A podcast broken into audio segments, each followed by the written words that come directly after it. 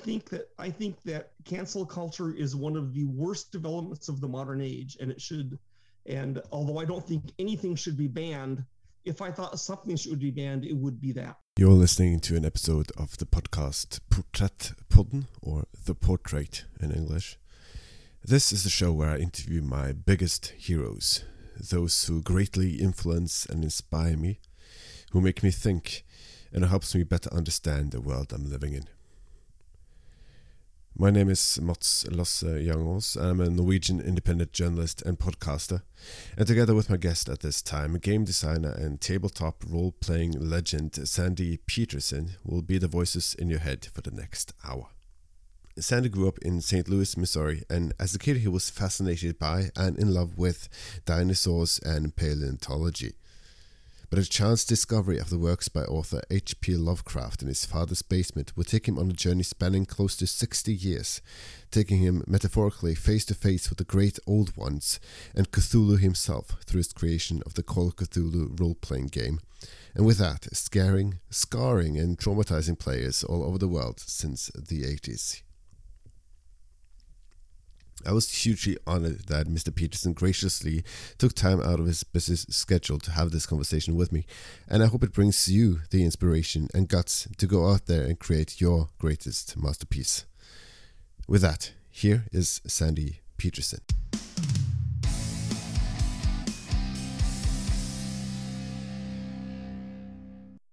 I've always been interested in games. Mm. I used to stay in from recess at grammar school sometimes to play Clue or some other game. Um, uh, in 1980, I started to write to Chaosium um, and talked about um, some game ideas I had for their game RuneQuest. RuneQuest is a fantasy tabletop role playing game originally designed by Steve Perrin, Ray Turney, Steve Henderson, and Warren James. St. Greg Stafford's Mythical World of Glorantha. It was first published in 1978 by Chaosium. RuneQuest is notable for its system designed around percentile dice and early implementation of skill rules, which became the basis for numerous other games. And they published some of them, um, and and uh, I was going to school at the time, and then I offered to do a game that would do be H.P. Lovecraft's Dreamland designed for RuneQuest, mm. and they said we're doing a modern era Lovecraft game with like guns and monsters based on Lovecraft's main work, and uh, so we we are going to do that instead. So then I said, "Ooh, ooh I'm really interested in in in helping mm. uh, on that in any way that I can." And they wrote back and said, "We're not happy with the way it's going, so we're going to give the whole project to you." So. Uh, over the next year, I wrote Call of Cthulhu on a typewriter um, and uh, sent it in, and that was my first actual game as opposed to game supplement. The horror fiction role playing game based on the works of H.P. Lovecraft, first published in 1981, is now in its seventh edition and quickly became one of the biggest games in its field, with several foreign language editions being licensed as well. Uh, after then, I, wor- I moved to California for graduate school, and uh, to support myself and my wife and, and child while I was going to graduate school, I started typesetting and editing for Chaosium. Mm. And because um, I was in school not that far from where they were. Uh, eventually, uh, my avocation of gaming got more and more interesting to me, and graduate school got less and less interesting. And though I don't recommend this career path to anybody necessarily, I eventually dropped out of graduate school and became a full time designer. I worked at Chaosium doing uh, games and uh, role playing games mostly, though I did also work on Arkham Horror until 1988. And then basically feeling poor and having four kids at the time, I um, got a took a job offer at Microprose Software, the people that did Gunship and Civilization. Mm-hmm. And I went there and I was a game designer there. And actually, one of the games I worked on was Civilization, though Sid Meier was the chief designer. I did work too. You'll you can find me on the credits. Um, and I did other things. And in 1993, uh, Microprose was starting to fall apart because Wild Bill Stealey, the owner, had essentially gone barking mad. And uh, so I moved to Texas and and uh, became a designer for id Software, where I worked on Doom, Doom 2, and Quake. In fact, I did the majority of the levels in Doom and Doom 2.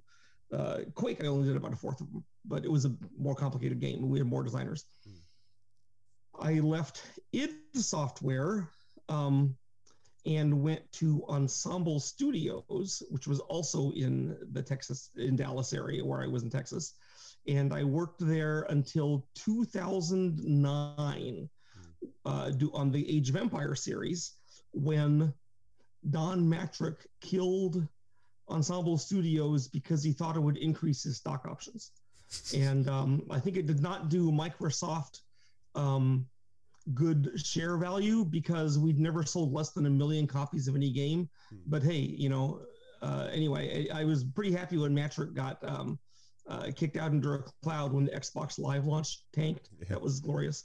But uh, anyway, it wasn't necessarily bad that we got all that we got rid of Ensemble Studios, maybe for the gamers, not for us, because we all went on to form other companies. Mm-hmm. And what I did first, I went to a I guess I have had another job besides game designer because I taught game design to graduate students for two years from 2009 to 2011. Mm-hmm. But I was still teaching game design, so it's not that different. Mm-hmm. Um, and uh, then I uh, was briefly in a small failed um, uh, iPhone game company mm-hmm. um, during the course of which my brother died. And then I founded Petersen Games, and I've been doing Petersen Games ever since. Yeah. And so I'm back doing tabletop board games and role playing games. So I've kind of gone full circle. Mm. The most complicated, huge uh, games like uh, Quake and Age of Empires back to board games. Yeah. And I, I like doing board games and role playing games a lot because uh, the computer games, while they had their their virtues, there was a team of depending on the game from eight to seventy five people, and uh, you were always it, it was it was and on the and it took years to do, you know, at least the way we did it, and on the com- on the board game, it's I can do it a lot quicker. It's a much smaller team. I'm the main designer. I have help, but it's not 75 people, which means that it's uh, kind of more fun to design. And also, I don't have to share the money with Microsoft. Oh. So, although the overall money is less, it is not split among 25,000 people. No. Uh, back up. And that's how I got where I am today. Yeah. uh, Sick from COVID in my house with a bunch of games on the shelf behind me. yeah. Just to uh, just to uh, mention that for for anyone um, uh, listening who uh, dozed through the in, in introduction, uh, I'm of course joined by one of the greatest minds in tabletop role playing. Uh, he has, he's got so many fingers in so many pies. He might as well be known as Sweeney Todd.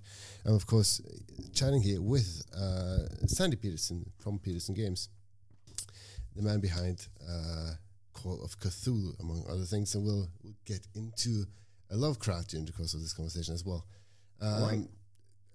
Don't, I don't, don't want to to uh, to bore you by, by going too too far back, uh, but um, uh, if, well, if, if you're going to Call of Cthulhu, you have to go far back because that is literally the first full game I ever did. Yeah. Okay. Yeah. Um, you know.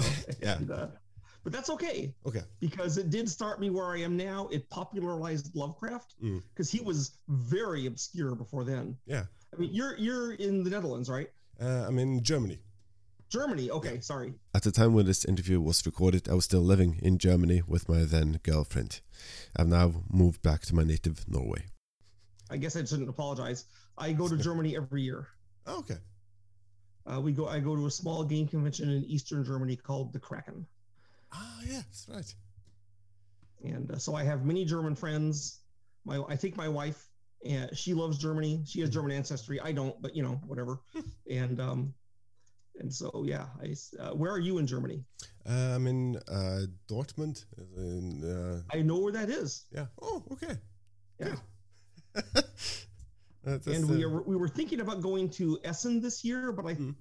I don't think we will. I think it's still too soon. Okay. Yeah.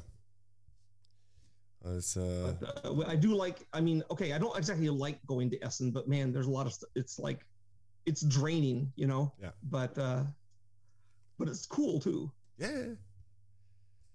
yeah I'm talking about the Essen game spiel, of course. If you have non-German yeah. listeners, mm. it's like not just randomly going to to Essen. That's uh, that would be. Yeah, a... it was in Essen that I had the worst Korean. Went to the worst Korean restaurant I've ever been to. No, that's a story. Do tell. Well, I, I, I love Korean food, which we get quite a bit in America. So I went to this Korean restaurant. I said, I'm so excited. We'll get the big Korean feast, and it was so terrible. Uh, for what like they brought in the first dish, and it was a, a shrimp stir fry. Okay, nothing wrong with that. Then they brought in the second dish, and it was a different shrimp stir fry. Mm. And they didn't have the banchan, which is a major part of Korean food in Korea and America where they give you separate little bowls of little vegetables or dried fish or things like that. You have, you have six to ten of these bowls for a little snacking thing. None of that. And um, and then I, I and it took it took four hours to feed us, which I was kind of thought was kind of slow. And uh, we were missing our our road our drive back to Frankfurt. So I asked the the people in charge. I said, "So this food isn't anything like the Korean food in America. Is this more accurate or less?" And they said, well, it's less. I said, we're doing what the Germans would like. And I thought to myself, I don't think the Germans would like a three hour meal with no free banchan. And uh, anyway, so yeah. that is my story. They say the Germans have no it's not a great story, but you know, usually I love German food, so I thought I'll get I'll treat my buddy Fabian to to Korean food, and I wasn't able to because mm. it was no. Well, we can't have everything in life, can we? Um, I have Germany has been stepping up its skill with steaks though. When I first started going to right. Germany in 20, 2001, you, you couldn't get a good steak anywhere, and it's starting to improve. Yeah. Okay. Yeah. Enough about food. I must be hungry. yeah.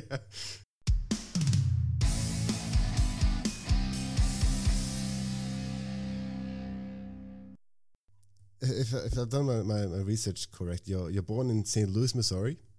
That is correct. I lived there till I was about five. Okay. And then moved to um, not very far away, actually, in Illinois. Mm. And I've lived in several states. I mean, I've been in Texas longer than anywhere else I've lived. Okay. I moved here in, in 1993, and I've stuck. Mm. So. From from what I've heard, I've never been outside of Europe, but from what I've heard, uh, Texas is a lovely state. So uh, Texas is not a lovely state to look at, but it's a great state to visit because it has amazing food, amazing people, and amazing stuff going on, mm. like rodeos and carnivals and state fairs and uh, uh, theme parks and caverns. But it's flat as a pancake. I mean, you can stand on a beer can and see both oceans.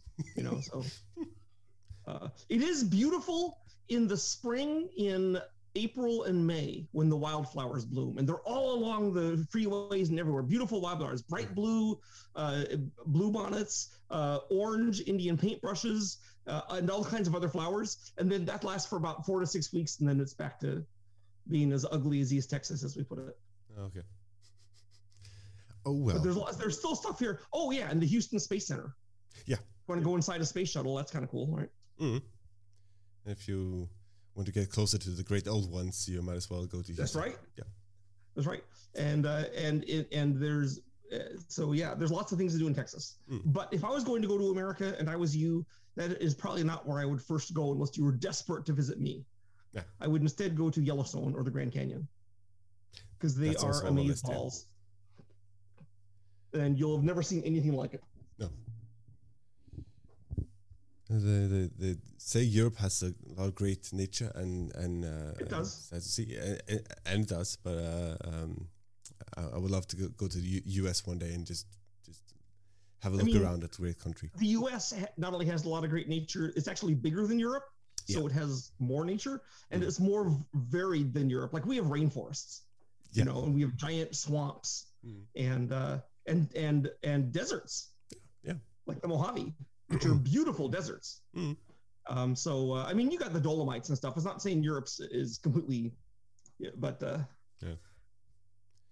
We, we also got wars and. Uh, well, we've had our share of wars too. Plus, we get involved right. in your wars. Yeah, always coming. Yeah, we get pulled over. my my father-in-law was in World War II. Oh, he really? said he always shot in the air, hoping he wouldn't shoot, kill anyone. Yeah. but he got shelled, you know. So, and oh, he liberated one of the camps at Dachau. Uh, that's that's uh, that's something to be proud of. Yeah, the uh, my my uh, my uncle was in the occupation army for Japan. He was just he just missed having to fight the Japanese. I'm sorry. Um, oh, good. Let me do this. She is somewhat obedient. Okay, sorry about that. All good. I have a dog too. I, he usually only makes noise when I'm trying to record a podcast. So Yeah.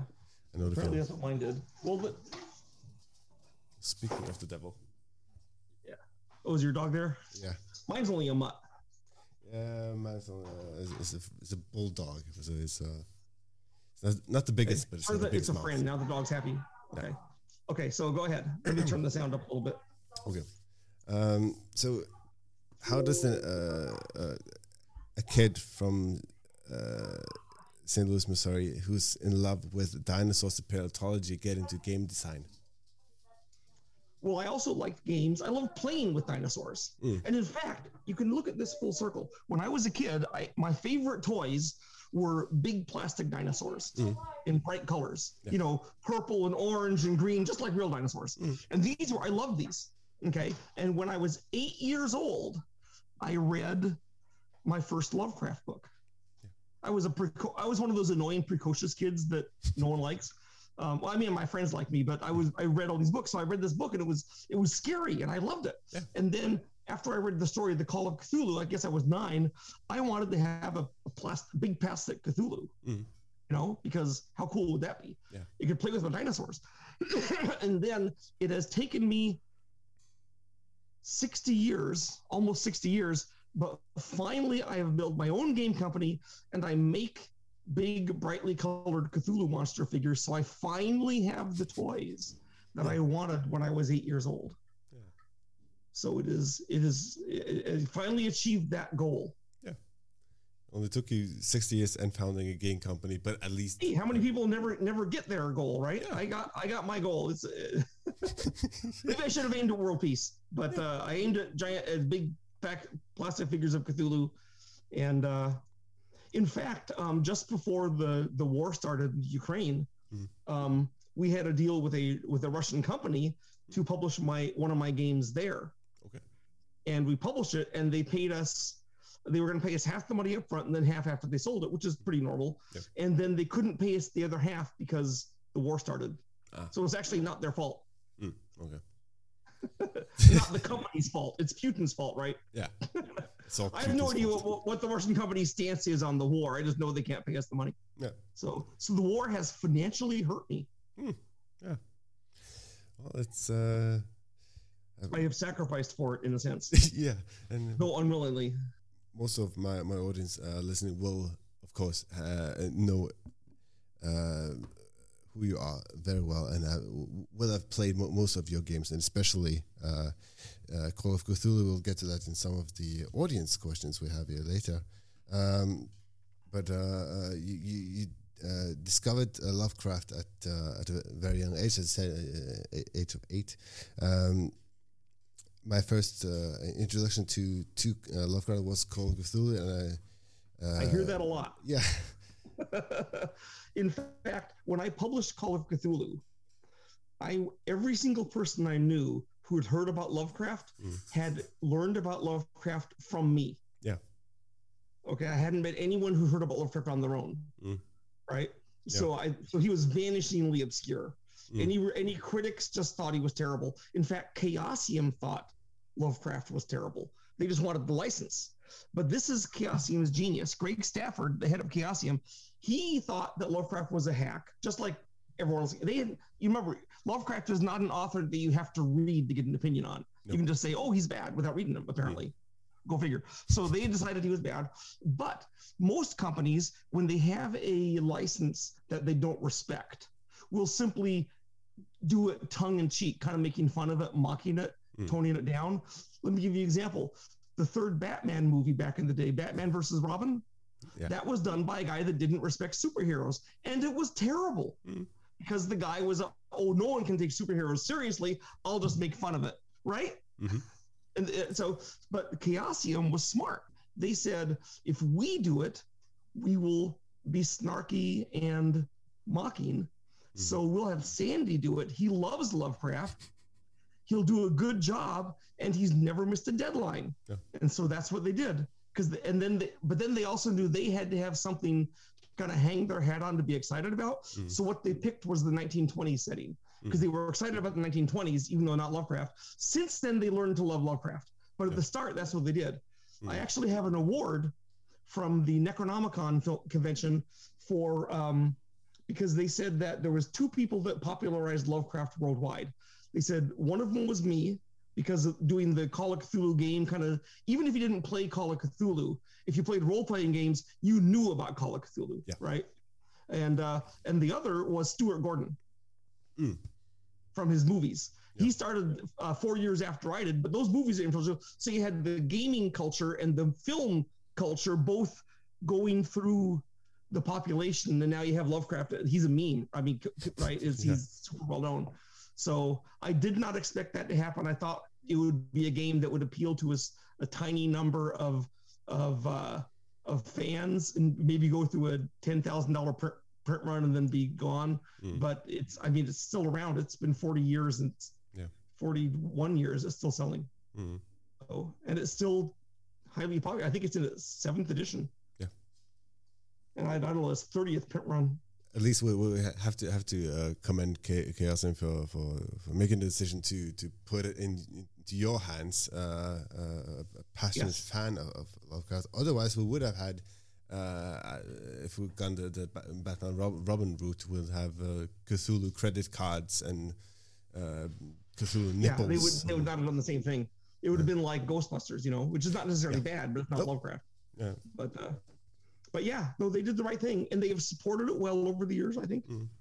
I mean, they they was there was a while when they weren't when the Lovecraft when they were penniless and they couldn't really do a full support, but now Chaosium is kind of back in the saddle again. They got a new management, mm. partly due to me. Okay. Hmm? Okay. Oh, uh, what what had happened is that um, uh, uh, originally the way it worked, there was three people: Lynn Willis, Charlie Krank, and Greg Stafford each owned a third of Chaosium, mm-hmm. and I had a tiny share. I had like three percent. They gave me three percent as like a booby prize because mm-hmm. they, they like me. So I go away with my three percent, and then um, Lynn Willis passed away tragically, and and the company bylaws say that his shares don't pass to his to his widow. Hmm. They are bought back by the company, and she gets the money for it. So that meant that Charlie Krank and Greg Stafford each had half of the shares, hmm. except for my. Now was it was like five percent now because there was fewer shares. So and Greg and Charlie at this point were hostile to each other. Charlie with Lynn had forced Greg out of the company. So he wanted to go back in and take over the company. So both Greg and Charlie were trying to get me. I was the kingmaker with my little bit of shares. I could choose who would win. Mm-hmm. and so they're both being nice to me. And um, so in the end, I decided that Greg's Greg was more sincere because when Greg was at Chaosium, he paid me royalties. And when Charlie was in Chaosium, he didn't pay royalties until he found out I was the kingmaker. Then he offered to pay back royalties. Mm-hmm. And that was like 15 years of back royalties. So I was like, yeah. Anyway, so what happened is we we we uh, gave Charlie a, a buyout, which he was unhappy with. But hey, you know, it wasn't it wasn't all about making him happy. And uh, then Greg and I owned Chaosium, and then we sold it to we changed the bylaws and sold it to um, uh, Moon, uh, uh, the Red Moon Enterprises, mm. and they and then there's four guys that run Chaosium, and they're doing a good job. They've they've built it back up. They've got RuneQuest back in it. They're mm. trying to get Pendragon and some other things. So, yeah. I mean, Call of Cthulhu was still 85% of their sales. Yeah. But uh, you know, you're going to have a one trick pony, it's nice to have one that's big. that's right. Call of Cthulhu, the, the, the role playing game, is uh, uh, like you touched upon. It's set in in, in the twenties. Um, the, the core well, game. That was Chaosium's thing. Yeah. See, when I played it, even though I often played it in the twenties, I didn't use the twenties for anything. I just because a lot of the I mean, you have cars, mm. you have guns, you have telephones. It's not that different. But when I when I play it nowadays I don't play it in the 20s. I play it in modern times. Yeah. I think it is easier to make something scary in modern times than in the 1920s because because you're less distance from it.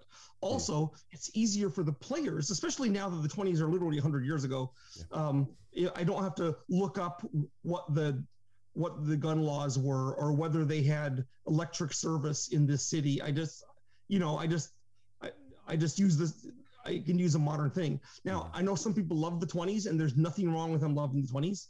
Um, I'm just saying that I prefer the uh, the modern era. Yeah. I think it brings it home more. Th- that said, I do run games that are set in other eras. Uh, you know, I have a, a, a, scenario I run that's set in 1946, for example, in occupied Japan, um, and uh, it involves Japanese war crimes and the chochos. but uh, so you know, the different things. Hmm. So, but they did set it in the 20s, and uh, that was some people really like that way, and uh, and there's and that's more power to them. Yeah. And like you said, um, mo- most people uh, who who knows about Lovecraft know knows about them through you, and then yeah. they, they get onto the the books and the, the literary uh, yeah. university they created. So, do, do you feel like you had a sort of responsibility to bring Lovecraft back into the, the, the consciousness of? Well, at the time, that's not how I was thinking. I was just like, I wanted to have a Lovecraft game because it was cool. I wanted to be as mm. much like Lovecraft as I could, yep. you know. And uh, in fact, I'll, I gotta say, one of the reasons I run it in modern times is because Lovecraft didn't write his stories in the 1920s. I mean, he did obviously because that's when he wrote them, but he was trying to write the most modern era possible. Hmm. He had cutting edge science. He had airplane exploration of the Antarctic. He had submarines. He had ultraviolet rays. He had astronomical discoveries. He was doing like the most advanced science available to him. Hmm. So I feel that you can channel that, you know. Now I feel that I have, um, uh, I mean, I guess I don't feel like I need I, I anymore have the responsibility to give Lovecraft to everybody because it's kind of happened. And most of the credit for that, I think, has to go with Lovecraft. When people read his stuff and they go, "Whoa," then they understand, and then you know he gets better. And so, and so uh, starting with Call of Cthulhu and Stuart Gordon's films, now there's more movies and there's comic books and there's everyone starts channeling the influences because more overt. Stephen King puts Lovecraft stuff into stories, you know, and there's just and he's just and I think I may have I may have tipped people off to his existence but Lovecraft had to do the work of getting them to be fans. Yeah. No matter how much I say Lovecraft is good, no one's going to care unless he is actually good. Yeah, that's right. Might have uh, uh, got my research wrong here, but I, I, I, think I might have read somewhere that, that, that, in his own time, Lovecraft wasn't even that big of a deal. Only he wasn't. No. no, your research is correct. Uh, Seabury Quinn was a bigger name mm. in the Weird Tales magazine. And there's people that like Lovecraft, obviously. Yeah. Um, but here's the thing about Lovecraft that made him unusual. He didn't just write the stories. I mean, he wrote the stories, but he did some things that hadn't been done before. Mm. First off, he created a shared literary universe. I don't think it was ever done before then. He got other authors to write stories with his characters and his books and his cities. No one had done that. So when I was reading Lovecraft when I was eight or nine, ten years old, I'd read a story by Lovecraft and there would be the Necronomicon. And then I'd read a book by someone totally different and it had the Necronomicon. It was like, is this a real thing? It was mm-hmm. creepy, right? Yeah. The Necronomicon, also referred to as the Book of the Dead or under the purported original Arabic title of Kitab al-Azif, is a fictional grimoire or textbook of magic, first mentioned in Lovecraft's 1924 short story The Hound. Among other things, the Necronomicon is said to contain an account of the Old Ones, their history, and a means for summoning them.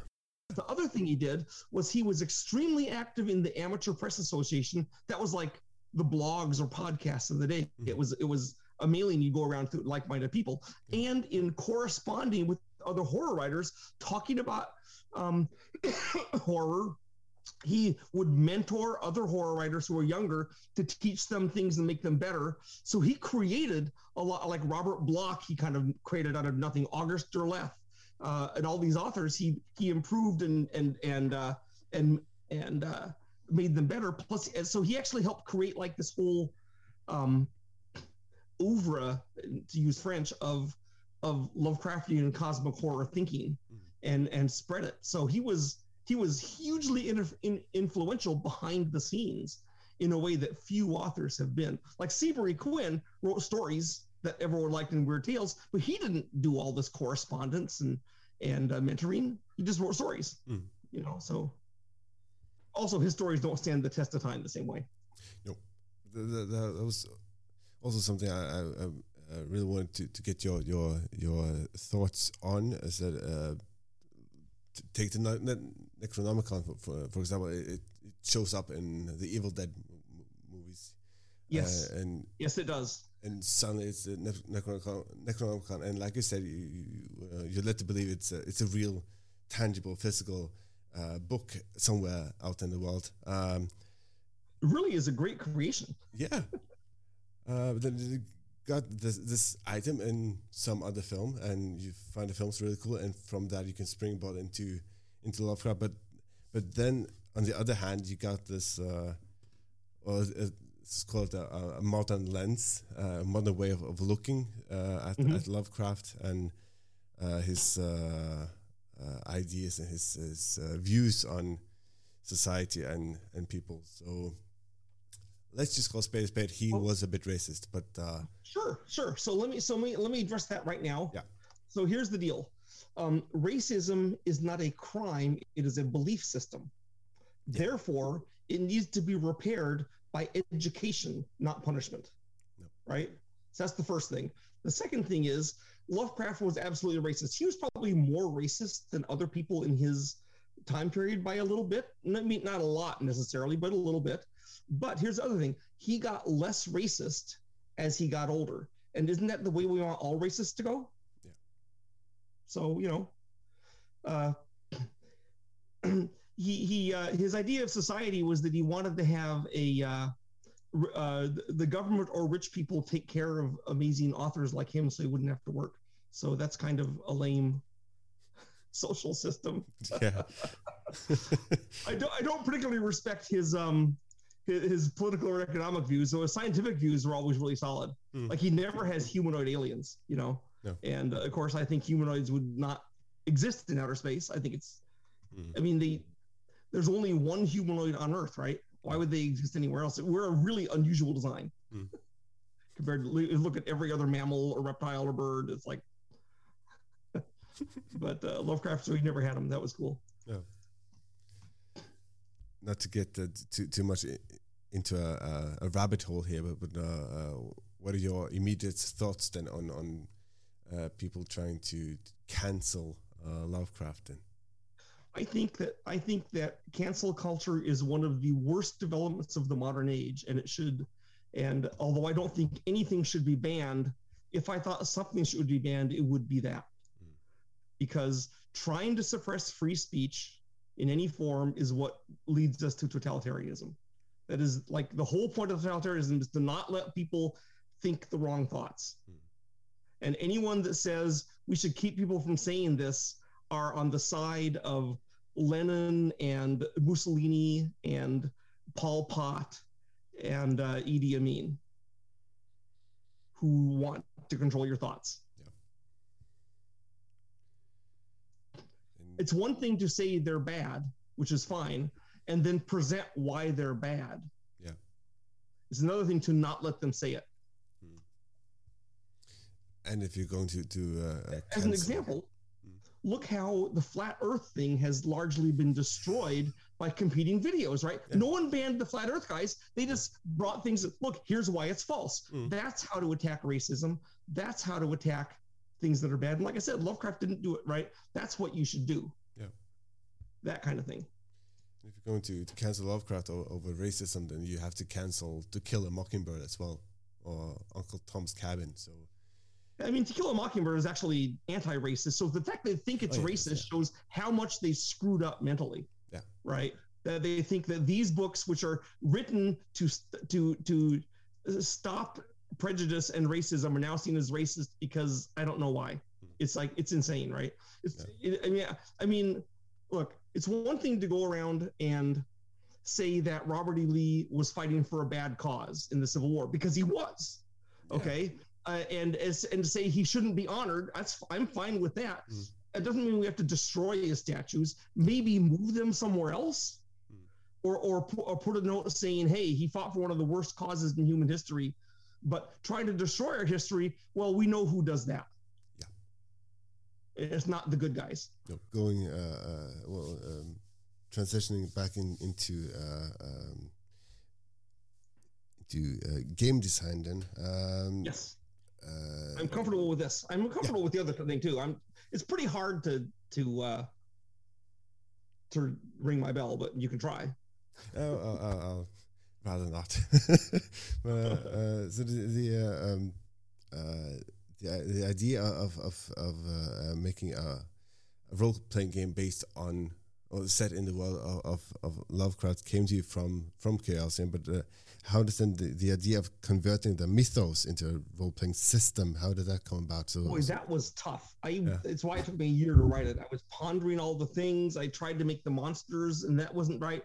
Well, ultimately, what happened is that I um I came up with um there was two things that were the hardest. Mm. Um, one was how to make the monster scary and the other was how to represent the great old ones. Mm. And so the way, so with the monsters making them scary, I I um, I eventually came up with the idea that became the sanity system. Mm. And at the time, my thought was that that that players would have sanity. They'd see a monster, they'd lose some, and they'd go crazy, or or faint, or run away, go hysterical. It would be bad for them. And if they lost all the sanity, they they'd become a become a lunatic, right? Mm. And um, I thought this would be just another weapon that the monsters would use on players. Mm. In other words, the Shoggoth could eat you, or it could scare you too.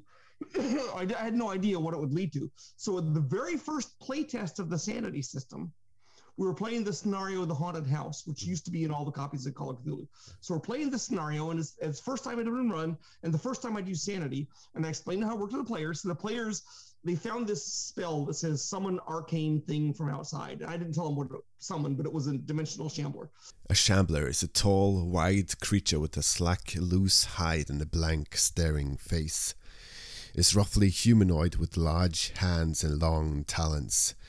It is said to be, quote, not wholly ape and not wholly insect, end quote. So they go down into the basement of the house and they decide they're going to cast the spell. And I say, well, you got to get like black cat heads and black candles and do this stuff. So they get in all the stuff, and then they cast the spell. And then I say, oh, you hear a weird noise in the air, and something starts to come through. I was going to have the dimensional shambler attack them. And one of the players said, I'm shutting my eyes. Another player says, I'm running into the corner and looking into the corner. Another guy said, I'm running upstairs. And I was like, they are. I, I said, you would never do that in D and D, no, right?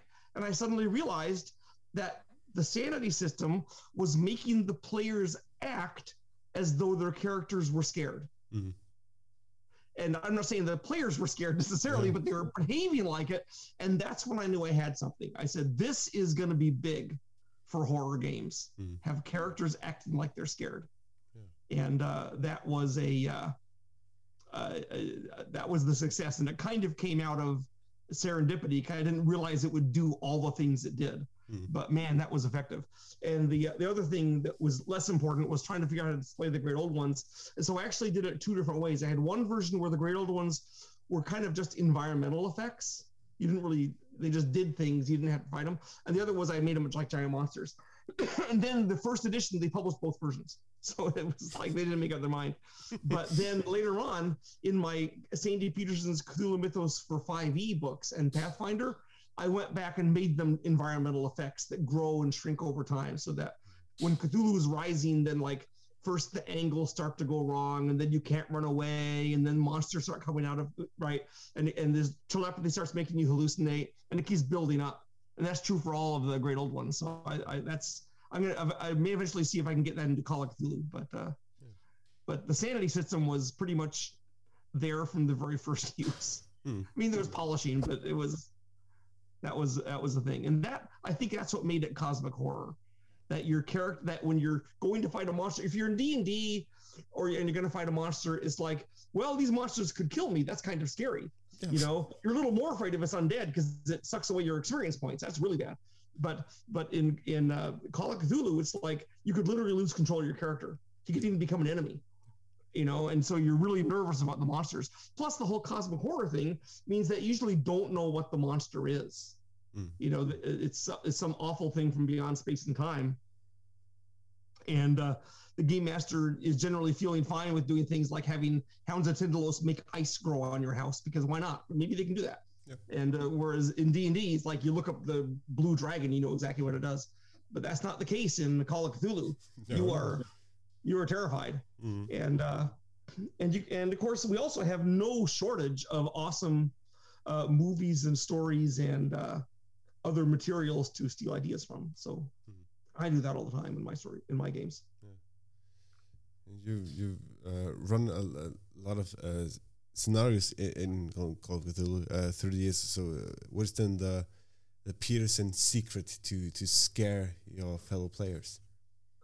Okay, um, I have a couple secrets. One of them is to use two or three senses when describing something. Instead of saying you see the cultists, okay, that's the vision only. Say you hear them chanting, the drone beats through your uh, beats through your bones. So it's feeling and hearing, or like you smell the stink of of burning flesh, and they oh, there's a smell, and and the more senses you use, the more real it seems to the players. Mm. So that's the first thing I would do. The second thing I would do is um, the rules that M.R. James gave for doing horror, which he said first, the monster has to be malign. Mm. It has to be a bad. Uh, he, he's writing for ghost stories, yeah. but uh, but he said the ghost has to be has to wish someone ill. It can't be a friendly ghost that wants to show you where the treasure is, and that's just, that's not usually a problem in Call of Cthulhu. You know, usually the monsters are pretty malign, but there's some people that want to make the that want to whitewash the Yithians or the Fungi from and make them not all bad. Um, and I guess you can do that if it makes you happy, but I prefer to have them be only negative influences on humanity. The second rule was, he said, uh, set it somewhere where the reader, or in my case, the player, could reasonably imagine himself to be. Mm. I might be there that's one of the reasons I put it in modern times. It's yeah. easier to imagine that you are um, uh, on a 747 flying over the Atlantic than you are on a dirigible. Yeah. Right. And, uh, and, and so that makes it that make that brings it more home. If I could be there, then it's like scarier. Mm. For as my example for this is actually the movie Alien. I mean, I'm never going to be on a spaceship probably, but in the movie Alien, which has cosmic horror, I feel the spaceship looks like a crappy tramp vessel with like chains and condensation and the guys are griping about their pay and it, see, it seems like a realistic place like if there was a spaceship that's probably the kind of one i'd be stuck on you know mm. so so it seems like a real place compared to star trek you couldn't have cosmic horror on a star trek ship yep. it's too different but alien you can right mm-hmm. so and the third rule was don't use jargon in his case, he was saying, don't talk about vibrations and things like that. Mm. In my case, I'm saying, don't use game terminology as as your go-to thing. In other words, if the monster hits a character for for seven points of damage, don't say you take seven points of damage. Say it fastens its fangs into your shoulder, take seven points of damage. Mm. You know, and then the player is like, oh, it's got fangs. And then later on, the player's like, my shoulder is still hurting, and there's things you come out of it, right? Yeah. Or if you say uh, it's like don't be like you're shocked to your soul you know that that that like your your whole body is is reacting you're starting to shake uh maybe you'll faint make a SAN then the SAN roll is secondary to the effect you want mm. so those are some of my rules yeah I think those will be effective for the players. Mm. Uh, I, I I also I just filmed a video at a convention I was at last weekend, mm. um, before I caught COVID, uh, in fact, that's where I got it. This guy came up from Australia and a positive, it turned out. He didn't have symptoms. And then, like, yay. So, uh, uh, so anyway, the, um, uh, at this convention, I show how to create a horror scenario the Sandy Petersen way. Mm. And, uh, it's about 50 minutes long and I go through the whole thing from start to finish and we basically create it together. And I don't, make up any of the things. I make the audience give ideas for the monster, for the setting, for the scenes, all that kind of stuff. Mm. That's not necessarily how to run a game, but it shows you how to create one. And so mm. that'll be up sometime on either Petersen Games or my YouTube. So that'll be cool. Anyway, there's a bunch of rules for you. Mm. So, uh, in a way, the, the, the key to, to holding your, your players' attention and keeping them uh, uh, on on edge, let's say, is to to uh, maintain that uh, sense of um, uh, realism and and yes, uh, but suspension of disbelief. Yes, but you can't maintain terror forever. If you if you try to make a guy be scared for too long, they will start to giggle. That's just natural human reaction. Yeah. I've learned this in some horror movies. A movie, a horror movie where it's really scary for a long time. If it goes too long, the audience starts to laugh because you can't take it anymore. You go to something else. Yeah. They just laugh at themselves. So you can't. So you do have to have breaks. So in my games, we'll, we'll like stop and joke and stuff at times, but there's times when it's scary. Hmm. So it's okay to have those breaks. Yeah. Um, after all, you're supposed to have fun Yeah. it's not like the whole thing should be comical but you but you know if if a person is it, it, it just committed suicide because a shoggoth came pouring down the gangway of his ship which happened in one of my adventures Mm. then after he's dead you can kind of laugh about it. it says man the only guy tough enough to kill your character was your character that kind of thing you know I suppose if you're watching uh, Jaws, uh, it, it wouldn't be the same kind of movie if if you saw the shark every every five minutes. that's right Yeah. A- a- and, and in fact jaws has comic stuff in it Yeah. there's funny parts Mhm. and often they're right after the scary parts like Yeah. the scene where roy scheider is chumming for the shark Mhm. and he doesn't see the shark come out of the water after him Yeah. then he turns around and it's pretty scary and he goes we're going to need a bigger boat you know and it's funny it's right after you see this terrifying shark Mhm. so it uh so so it works Uh, of course you don't have to make up the jokes yourself as a game master the players are going to do plenty of that for you Yeah. As suppose as, as long as you, you keep them engaged, that uh, Yeah. uh, g- makes it easier for, for the for the players to to to create to to to embody the world that you created. Let's say. Yeah. Yeah. Yeah. What I try to do is I have a few scenes planned ahead in my adventure, which are going to be like pretty cool. Mm. And, and I, I, they don't always work, but I would say they work 70% of the time and they're really effective. Mm. Now, and if I have three or four of them, then I get three or like two or three really good scenes everyone likes. Then in between, it's more like they're doing research, they're having other things happen.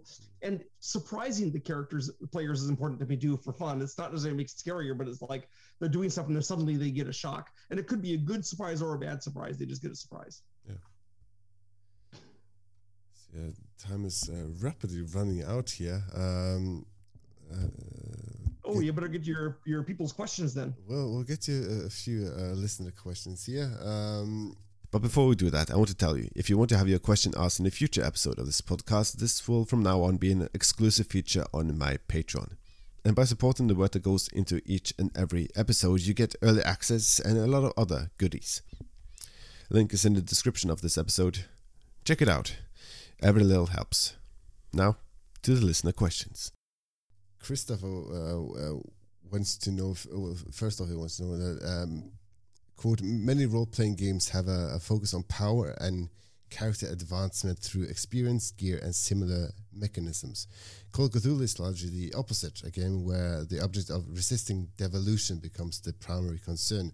So, what inspired this way of game design? I was a contrarian. I didn't even know the the word, but I, that was why I, was- I wanted to have a game where you weren't the elite special aristocracy that kills all the monsters, but you were the ordinary people taking on the horrors. Mm. That's right. And uh, where where uh, your big victory is saving the world and no one can know instead of getting a bunch of loot. In fact, the loot you get is usually a moldy old book that will drive you insane by looking at the pictures, right? Uh, I mean, I mean, one of the greatest ways to scare a guy in Call of Cthulhu is you find a magic staff with a little skull on the end, and they're like, "I don't want to use that. That's going to do something really bad." So it's so it's it's it's funny, right? Yeah. Uh, but yeah, that's the thing. I, I was contrarian. I was trying to do everything the opposite, and part of the reason was I realized that if I was going to make the monsters like a horror movie, you can't just go fight and kill the monsters in a horror movie. I mean, say it's a werewolf movie, you don't have the guys go and fight and kill the werewolf right? It's a big scene at the end when you kill the when you fight the werewolf, it kills you, Yeah. right? So my monsters are tougher than werewolves; they're going to be impossible to kill. So the game can't be fixated on fighting. So I had to come up with something else, and that's where I came up with the idea of research and finding out clues and exploration and mystery. Mhm. And so that mystery became the secret, and that was another way I was contrarian. So I guess I just didn't want to do the way, things the way other people did them. Uh, also, suppose if you did the exact same way as someone else did, like Gary Gygax, for example, then Yeah. you probably just make a scarier version of Dungeons and Dragons. That's right. Yeah. And which is what which is what uh, chill was. Yeah, yeah, that's right. Yeah, yeah. So, uh, and that, that perfectly leads us into uh, a second listener question, and that is, uh, what is your impression of of uh, um, um, of uh, the D20 Call of Cthulhu, uh, particularly given how the D20 systems are largely built on character progression and advancement? I will admit that I have in fact not played the D20 Call of Cthulhu. Okay. It, um, so the deal with me is learning a new board game is pretty easy. It takes an hour reading the rules that I'm playing it. Role playing games have longer and more complex rules. And it takes and you have to play it multiple sessions before you get a handle on what it's like. Mm. And most of the fun of a role playing game isn't from the system anyway; it's from the players, right? I mm. mean, so I figure why should I learn a new system if I got the one I like that's working? Unless I have a lot of people telling me I need to switch to it, but I haven't had people clamoring to switch me to switch to, to D20. And in effect, when I play Call of Cthulhu, that's my house system, mm. Right? It's yeah. the system I made up for using in my own game. So I'm sorry I can't answer that better. I have no objection to people playing it. I think that advancement in Call of Cthulhu should be very different.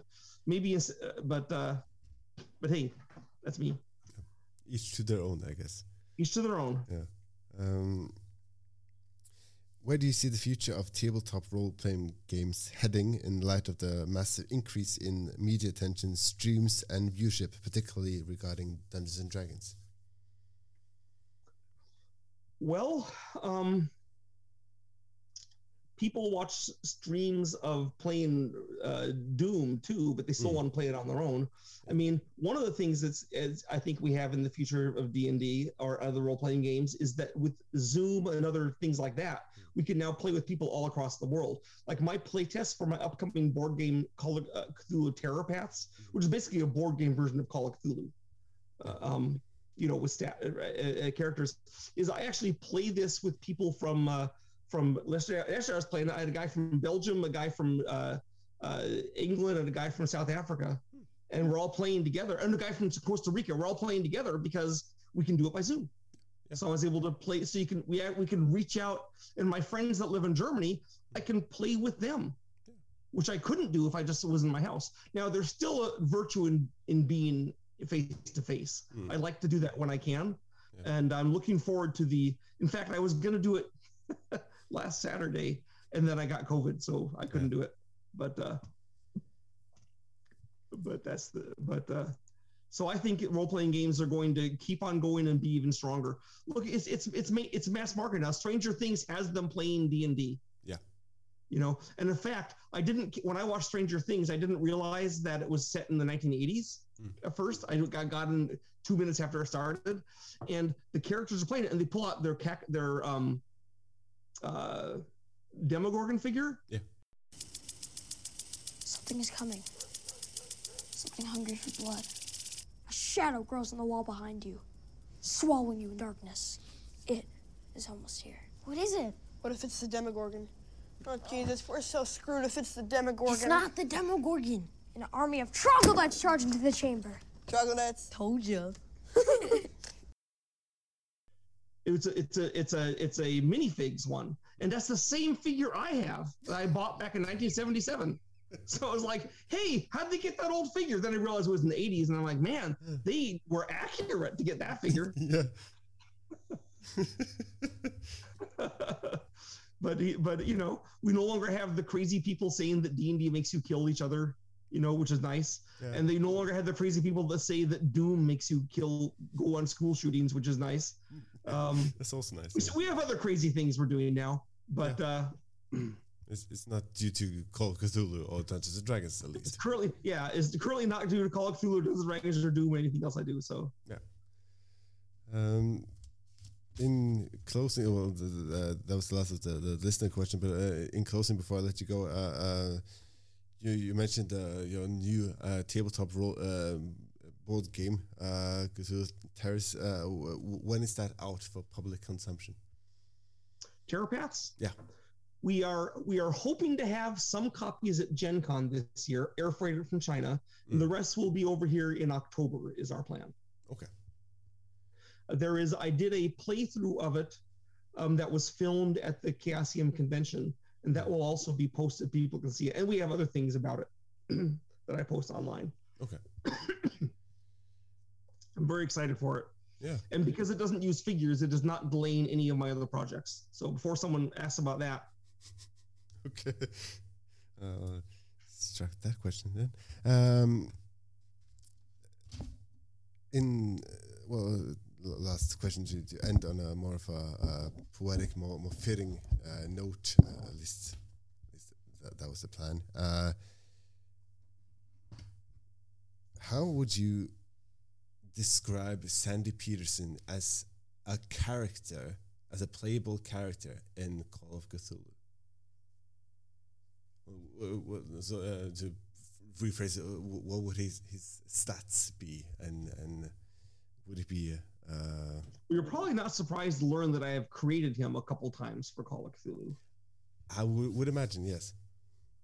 Um, usually, what I do is I go into the meta game and say that, uh, and give him abilities like um, uh, uh, badly balanced game rules, so I can break the game, you know, or or didn't read the spell book, so I can use any, you know, crazy things like that. I I, you, I I can't do it without making fun of myself. No. So that's what I do. Hmm. Other, uh, I'm also in the game Mythos, where I have uh, I can read glyphs, and I am a um, a loyal guy with a, a, a combat of two. And Greg Stafford only had a combat of one, so I was better than him. Mhm. I would say that I would say the best way to use me in the game is as someone that has the lore that can get you, that that can you can go to as a resource, Mhm. and then I get killed horribly by a monster partway through when you come to depend on me. That's uh, That's how I would use me. Yeah, that's uh, what usually happens when, when I play Call of Cthulhu. So, uh, so it's, it's nice to hear we, we have that, that in common at least. Uh, Sandy Petersen, it's been it's been a great pleasure to, to have you uh, uh, on uh, this uh, episode of my podcast, and uh, thank you so much for, for taking the time uh, out of your schedule to to have a chat with me today. Well, thank you. It's been a pleasure to be here. That's- Maybe that's- someday we'll meet in Germany. That would Or be, in America. amazing. Yeah. That, that Take would be care. amazing. I look forward to it. You've been listening to an episode of my podcast, Porträttpodden, or The Portrait in English. I've been your host, Mats Lasse Youngås, and my guest at this time was game creator and tabletop role playing legend Sandy Petersen. Has this conversation sparked any ideas or questions, some thoughts or comments? I'd be happy to hear about them. You can reach Porträttpodden on Facebook or Instagram. Or if you wish, you can send an email to porträttpodden at gmail.com. That's uh, P O R T R E double T P O double D E N at gmail.com. I'm looking forward to hear from you. During this episode, you heard sound clips from Stranger Things, a Netflix original, all rights reserved. The portrait works in accordance with the ethical code of practice of the Norwegian press. Thank you very much for listening, and I'll be back with another inspiring story real soon.